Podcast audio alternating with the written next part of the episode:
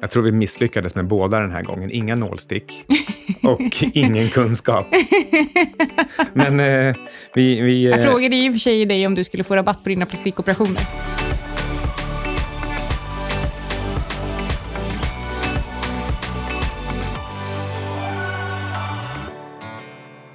Hej! Du lyssnar på Sveriges mest energiska podcast, Outsiders. Hur är läget, Micke Sirring? Det är helt fantastiskt med mig. Jag känner mig eh, väldigt energisk efter helgen. Jag med. Vi eh, körde ju eh, typ den lugnaste helgen sen vi träffades, tror jag faktiskt. Vi har mediterat, lyssnat på samma låt om och om igen. Sen tog jag en lång promenad och käkade brunch med mina tjejkompisar eh, i söndags. Och jag Eh, läste Anders Hansens bok Järnstark hela, hela lördagen. Nej, Perm hela till söndagen. perm. Ja, hela söndagen. Och eh, bland annat under ett 90 minuters bastupass. Så snacka om att vara hälsosam. Och jag läste ut den här sci-fi-romanen som jag har läst, som jag började läsa eh, i eh, mitten på förra veckan, som heter Infinite. Och eh, helt såld, älskade den. Eh, och har drömt om att AI har infiltrerat människor eh, sedan dess. Så att, eh, ja, bra bok. Idag ska vi prata om varför man måste hålla koll på energipriset och energitillgången. Någon annan som behöver hålla koll på någonting, det är Alexander Marton som håller koll på ljudet i den här podden. Och han eh, får ju då framförallt kanske en extra stor eloge eftersom att jag har en jätteful liten hund som stör. Ja, han tassar runt, förstör, gör oväsen och eh, ja, allmänt sabbar den här podden. Men okej, annat, annat kul som har hänt är att idag eh, tog jag en fika med en kompis som håller på att dra igång en kedja inom plastikkirurgi. Frågade du om du får rabatt? Nej, jag tycker inte att det är dags ännu, oavsett vad gäster på mina fester säger till mig och om mig, så, så blir det inga operationer här. Ehm, men annars så tycker jag att det där är ju verkligen precis rätt tema. Jag pratar ju ibland om att leta upp framtidssäkra industrier och är det någonting vi blir så blir vi äldre samtidigt som vi är friska, men vi vill också gärna se ut som det. Jag tycker ju att den här trenden är lite tråkig. Jag ser ju... Jag själv, eh, alltså, jag har inte jättebra självförtroende, men jag skulle definitivt eh, inte våga eh, göra den typen av kosmetiska ingrepp som eh, framförallt inte i ansiktet. Och nu pratar jag väl kanske framförallt om typ fillers och sånt, för att jag tycker att det syns alltid att det är fejk och jag tycker inte att det är så fint. Jag tänker ändå att, eh, säg någon som har blivit 65 men egentligen är i bra form, kanske sin bästa form, men så finns det lös hud på överarmarna och så vill de liksom knipa ihop det där och kanske suga bort lite fett och, och sy igen så att det ser tajt ut. Då kanske man eh, ska träna mer bara och äta mer protein. Ja, men säg att man var för stor för att huden skulle hänga med. Huden blir liksom faktiskt mindre elastisk när man blir gammal. Så vad vet jag? Jag, kan, jag vet inte riktigt hur sånt här funkar, men jag kan nog ändå se framför mig att det finns eh, en hel del plastikkirurgiska ingrepp som kan vara motiverade för folk mellan, låt oss säga, 60 och 80. Men det är en bra bit kvar för mig och inte så himla lång tid kvar för dig. Jag kommer aldrig operera mig. Ja, eh, och det kanske du inte behöver heller med tanke på all kombucha som du och jag dricker nu för tiden. Ja, om någonting så eh, kanske det är den som gör att jag behöver operera mig. Ja, men du har ju fått en hang-up. Du köper kombucha så det sprutar ur öronen. Ja, men och det här började, det, här, det är måndag nu, det här började i fredags. Eh, jag saknade två tjejkompisar som alltid dricker kombucha, så jag köpte kombucha på väg hem från eh, gymmet tror jag. Mm, och nu Eh. dricker vi den ur champagneglas istället för champagne. Ja, det, så det är, det är jättemysigt och eh, jättegott. Och eh, ja, nej, men som sagt mysigt. Du, du sa till mig att det fick vara nog nu efter två flaskor idag. Eh, för du är medberoende. Mm, det blir så. Allting Anna gör, gör jag minst lika mycket av. Ja, men som sagt, idag ska vi prata om energi. Och eh, det är så här att eh, vi använder energi till allting. Förr eller senare så kommer vi få plocka ut den här energin ur kollapsade stjärnor, alltså svarta hål. Men fram tills dess så räcker det med det här svarta kladdet i marken, alltså så oljan. Olja, ja. Eh, Men innan vi kör igång så vill vi tacka vår partner von Tobel och eh, vi insåg att vi kanske inte riktigt har presenterat vilka de är för er. Så Micke, vi- vilka är von Tobel? Det här är en enormt stabil och säker schweizisk investmentbank Du kan tänka dig de, eh, de största och finaste namnen här i Sverige, till exempel Carnegie, fast eh, tar det gånger tio, då har du von Tobel. De är inte speciellt nya heller. Jag tror att de har funnits i närmare hundra år. Hur som helst. Mm, det är eh, någon att hålla i handen när det blåser. Ja, exakt. Och om du då på något sätt vill exponera dig mot olja eller andra råvaror eller andra aktier på upp och nedsida så har von Tobel ETPer som möjliggör eh, både kort och långläge beroende på vilken marknadssyn du har. Så är du sugen på att korta oljan på, den här, på de här nivåerna så finns det instrument hos von Tobel och de går att handla hos både Nordnet och Avanza. Ja, men eh, nog om von Tobel och kombucha nu. Hur har det gått för min portfölj? Vi ska också säga att eh, man ska komma ihåg att alla investeringar är förknippade med risk och framförallt när det kommer till hävstångsprodukter. Eh, och att ingenting vi säger i den här podden är rekommendationer. Men med det sagt, så när det kommer till din portfölj så eh, har du fått ett litet tillskott. Mm, berätta. Bitcoin. Eh, så jag köpte en liten position dig eh, och eh, Bitcoin, det är digitalt olja, va? det är inte digitalt guld heller. Jag tänkte faktiskt att vi skulle bjuda in eh, Christian Ander och göra en bonusintervju med honom. Han är ju en... Eh, han, eh, han kan väl mer än de flesta när det kommer till just blockchain och eh, krypto. Så, Christian Ander är Annas chef. Ja, eller ägare till bolaget som jag är vd för i alla fall. Men ja, kanske chef då. Men eh, hur som helst, att, eh, du fick lite bitcoin. Aselio var ju, har ju varit minst sagt volatilt sedan de toppade där på eh, 21,95 tror jag det var. Eh, och står nu i typ 16,48 tror jag. Så att det har varit ganska mycket upp och ner. Eh, vi köpte in oss kring 13 kronor. Men din portfölj var ändå typ upp 0,10 procent förra veckan mot börsen som eh, var upp Typ- 17. men nästan. Ja, men typ 2,7. Men eh, fortfarande på ett års sikt så eh, har du presterat bättre och det är faktiskt det enda jag bryr mig om. Jag bryr mig inte så mycket om veckoresultaten. Gör du det? Nej, inte det minsta. Det viktiga är att jag får minst 10 procent om året med noll risk. mm. Okej, vi går vidare till dagens tema som alltså är energi. Och eh, människan har alltid letat efter nya sätt att, att uträtta saker, men med så liten egen ansträngning som möjligt. I början så fanns ju liksom inga andra val än att springa fatt mammutar och sen dra hem dem. Men sen har man hittat på nya sätt. Till exempel, man kan, man kan ro, så glider man fram på vattnet. Kan man, man kan eh, segla, man kan eh, eh, koka saker så att eh, man får ång, ångkraft.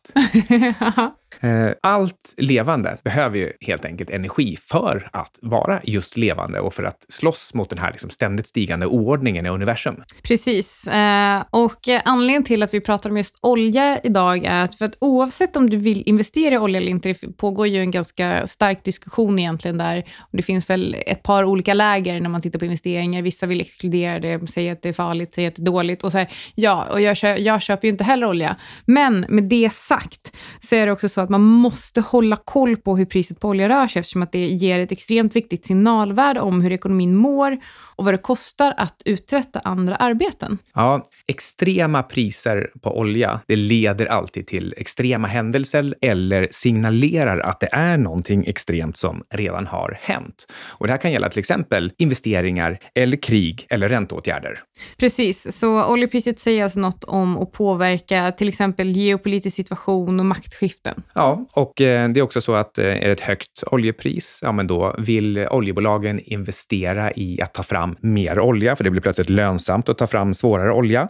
Det kan också vara så att det skapar ett utvecklingstryck och höjer lönsamheten för alternativa produkter. Alltså det blir, kan bli lönsamt att bygga en, en solfarm eller, eh, ja, nu bygger man väl kanske inte ut vattenkraften så mycket längre, men framförallt, framförallt sol och även vågkraft och vindkraft. Sen har vi ju den här klassiska, det här klassiska som man brukar säga till eh, framförallt och kanske nya investerare, att eh, investera inte både i olja och flygbolag, för går oljepriset upp så kostar det pengar, kostar det mer pengar för flygbolagen, alltså det, de får sämre marginaler. Eh, så det här, och det är också det här som är det viktiga, att, att ju högre oljepris, desto eh, högre transportkostnader för bolag som är beroende av transport. Och jag tror att det är det här som många faktiskt eh, missar, för att alla bolag transporterar, eller de flesta bolagen transporterar saker och ting idag och det är därför påverkar också oljepriset deras marginaler. Mm. Men eh, vi, vi backar tillbaka lite till början.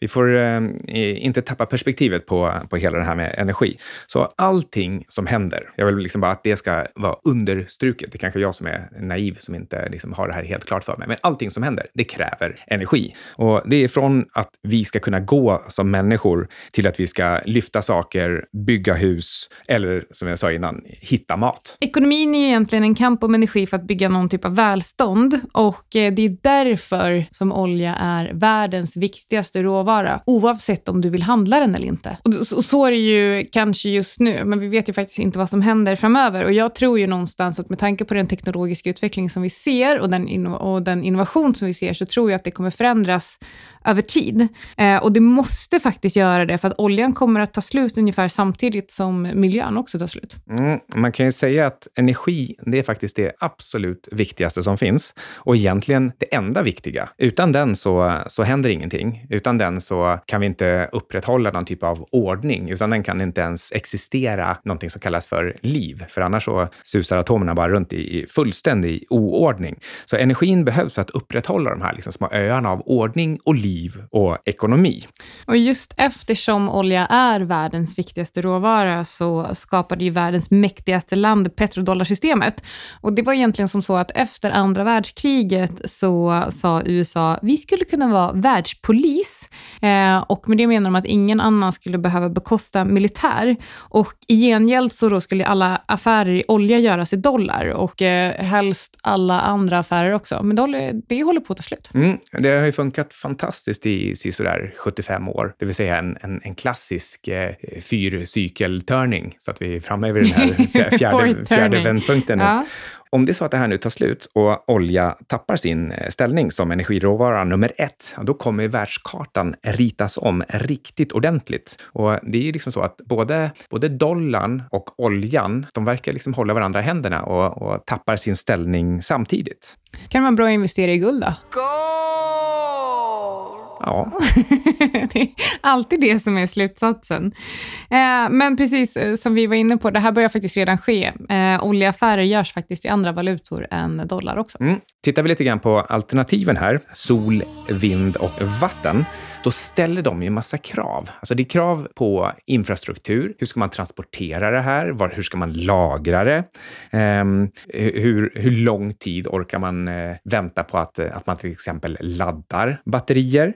Och um, man kan fråga sig också vilka företag ligger egentligen bra till i den utvecklingen? Alltså även om olja kommer finnas kvar under överskådlig framtid så, så växer det sakta fram ändå de här alternativen. Och eh, ja, vi, har ju, vi har ju ägnat oss åt Tesla-backing här ganska mycket. Eh, vi har inte pratat om, om Vestas, vi har inte pratat om elbolagen. Men, eh, Lite där, om Aselio som ja, vi äger vi, Precis, vi äger det. Så kom ihåg det, det är, det är fair disclosure här. Så att allt vi säger om Aselio är, vad heter det, partiskt. Ja, exakt. Jag gillar också att du har lagt till här att vi äger Aselio. Det säger i alla fall Anna, men du vet faktiskt inte om jag har shoppat upp de där pengarna som jag förvaltar åt dig eller inte. Nej, jag har ju aldrig sett aktierna. Hehe, hehe, nervöst skratt. Dags för utdelning snart. Men okej, okay, rent praktiskt då. Vad ska man egentligen ha oljepriset eh, till? Tror du inte att eh, kommer oljan tappa liksom, makt och värde som temperaturmätare på ekonomin? Jag tror ju faktiskt det. Och det är därför Cygnus exkluderar olja utöver liksom... Ja, det är väl frågan hur snabbt ja, det här jag, går. Ja, men jag tror alltså, inte inom tio år. Det tror jag inte. Nej, och, och, och jag, vill bara, så... jag försöker bara rita om kartan lite när det ja. kommer till eh, finansiella produkter. Det är också så att vi... Ehm, det behöver ju inte bytas ut helt och hållet och det behöver inte tappa sin ledande ställning. Det räcker med att det förskjuts lite relativt varandra. Men eh, med det sagt, så det är väl en... Eh, det är väl helt uppenbart att en sak man kan handla, det är oljebolag, oljeterminer eh, och eh, energipriser. Så, eh, eh, och, och, jag tror också att det kan vara ett bra ställe att börja. För att börjar man handla dem, då inser man ganska snabbt att det är ganska komplicerat.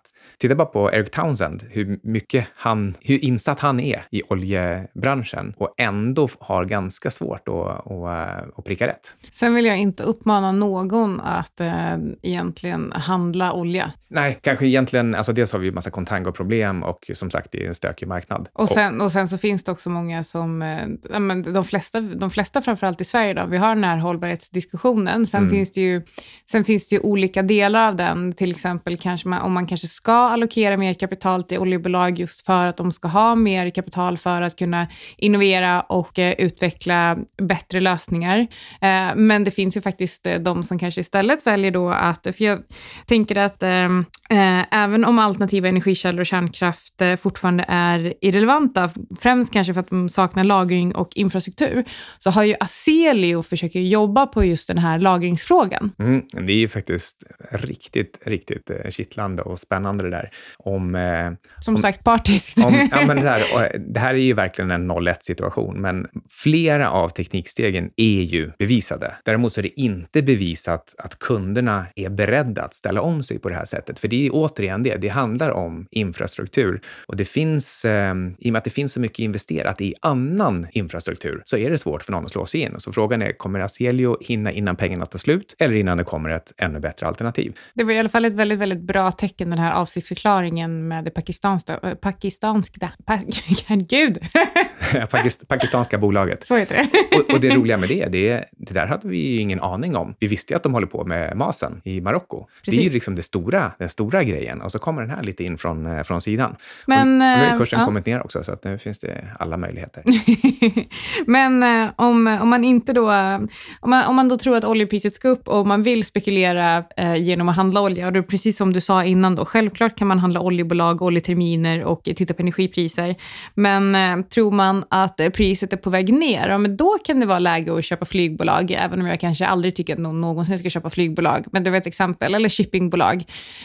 Um, så den bolag som använder mycket bränsle eller transporterar mycket, de kommer få positiva marginaleffekter om priset på olja går ner. Men då måste man, precis som du säger, vara duktig på att pricka rätt och det är inte lätt alltså. Sen är det också alltid frågan, ska man handla sådana här bolag med rörelsen eller mot rörelsen? Ofta, ofta är ju saker mean reverting, så när det kommer en, en spik upp eller ner på oljepriset och så kommer en, en direkt reaktion för till exempel flygbolagen så kanske det är så att det är bättre att gå emot. Men det är inte självklart. Sen, eh, förutom att gå direkt på de bolagen så kan man också göra tolkningar om vad betyder en spik i oljepriset upp eller ner för ekonomin? Eller vad säger den om ekonomin och var den är på väg? Och, och då kan man ju handla hela index istället. Eh, ja, kanske då med brasklappen för att index innehåller oljebolag, så att handla index är ju inte miljövänligt, eller? ja, vi får se om det kommer något miljövänligt eh, index lite längre fram.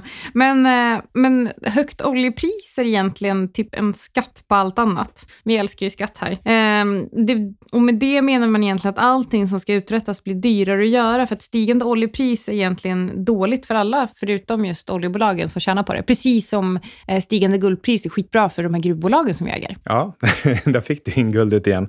Bra. och som sagt, samtidigt som oljepriset är den här skatten, så är det ju också en indikator på att, att man behöver mer olja och att allting då uppenbarligen går ännu bättre. Och då ska man väl eh, köpa index? Ja, absolut. Men, eh, men, precis, men, men vad leder det högre oljepriset på sikt till? Ja, och då är det så här. Alltså alla den här typen av makrospiraler, det är själva meta-observationen här.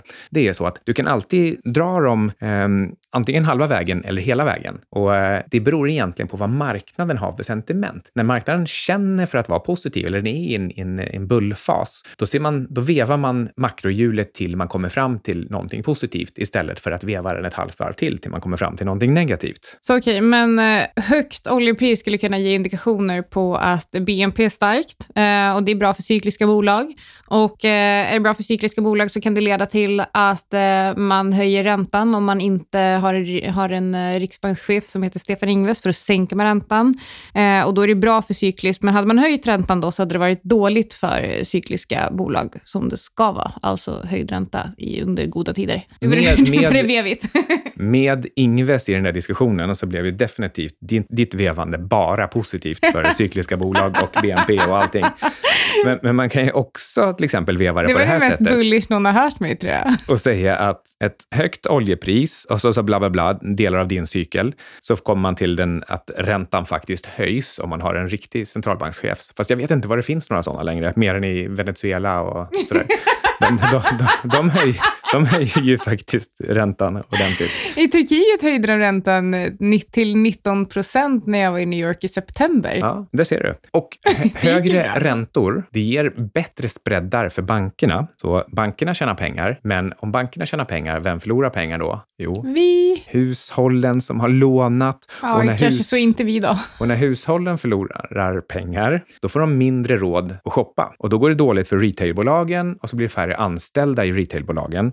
Och då är ju ekonomin dålig istället. Och då blir det lättnader. Så då blir det lägre ränta och det är bra för cykliskt och för hushållen och för retailbolagen. Så då blev det bra igen. Tänk vad bra det hade varit om vi hade någon, haft någon typ av marknadsränta. Kan vi inte bara kicka ut centralbankerna och så får bankerna sätta räntan eh, beroende på hur efterfrågan ser ut? Mm. Jag vill bara, vi, vi understryker så här, det är inte meningen att någon ska eh, lägga de här eh, vevande cyklerna på, på minnet på något sätt, utan poängen är bara att man vevar så långt man känner för, halva vägen eller hela vägen. Och då blir det positivt eller negativt. Det går alltid att göra så med exakt alla makrocykler.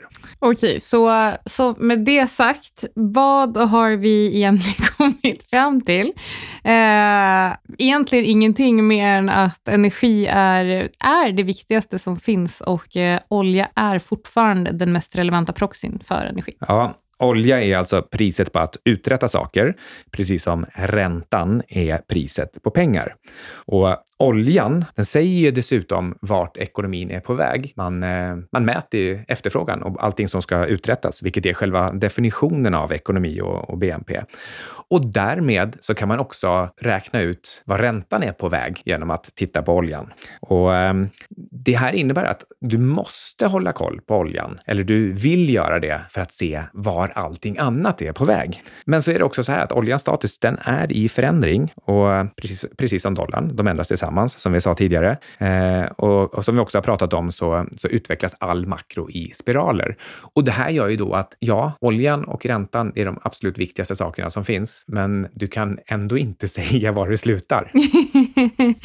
eh, nej, men, eh, men själva poängen då, se alltid till att ha prisutvecklingen på olja i bakhuvudet när, när du tittar på bolag. Och det spelar egentligen ingen roll om du tittar på bolag som Tesla eller något annat cleantechbolag, kanske Azelius som vi gör i portföljen, eller flygbolag. Alla bolag påverkas på något sätt av prisrörelserna på olja och det är faktiskt upp till dig att veta hur du ska parera det i din egen portfölj utan att direkt behöva köpa eller sälja olja. Ja, exakt. Olja, ränta och guld, alla är relativprissättningar av eh, mänsklig aktivitet. Fick in guld där igen. Bra. Ska vi ta lite veckans eh, recensioner? De kanske inte har kommit ut just den här veckan, men det är den, det är den här veckan vi läser upp dem. Och efter det så ska vi också gå igenom, eh, ska vi också nämna de tre som har vunnit utlottningen av eh, varsitt ex av min bok. Men vi kan börja med att läsa upp tre stycken recensioner. Det är någon här som säger Guldpodd. Jag hade lyssnat på den enbart för den ironiska jargongen och nålsticken som Syding och Svan ger varandra. När programmet även injicerar kunskap och fi- om finans på ett begripligt och pedagogiskt sätt ser jag det som en ren bonus. Jag tror vi misslyckades med båda den här gången. Inga nålstick och ingen kunskap. Men eh, vi, vi, Jag eh, frågade i och för sig dig om du skulle få rabatt på dina plastikoperationer. vi tackar filharmoniken för det här. Och sen har vi eh, Bempa som säger riktigt bra podd med innehåll. Så eh, ja, vi har innehåll. Deras kemi och humor är helt klart smittande. Så eh, ja, det är en slags eh, humoristisk smitthärd här. Lyssnar alltid med ett leende och, och ett intresse. Nice. Och sen har vi Mimmi Elisabeth som skriver relevant och superintressant att eh, lyssna på. Men eh, Den där har ju du skrivit. nej, det har jag faktiskt inte alls det. Nej, det har hon inte. Nej då. Mimmi, du får höra av dig och berätta att det faktiskt var du. Ehm, Vi, men, har, vilka har vunnit böcker? ja, kan vi få en trumvirvel? Då har vi eh, tre böcker att låta ut och den ena har gått till Jack Hansen, den andra har gått till eh, De Jesus Hornig och den tredje till Emil Boström. Så eh, ni tre, kan inte ni bara kontakta oss på outsiders.sydingsvan.com med adress och eh, fullständigt namn, framförallt till den andra där. Ja, vi Så- får väl eh, avvakta lite grann och se hur många de Jesus Hornig som kommer in. ja, precis. Eh, men så skickar vi ut böckerna och eh, tack för att ni än en gång har lyssnat på kanske världens bästa podd genom tiderna. Den mest energiska i alla fall. Glöm inte att eh, lämna fler recensioner så vi har något att läsa upp. Vi blir så glada då. Outsiders. Med Syding och Svan.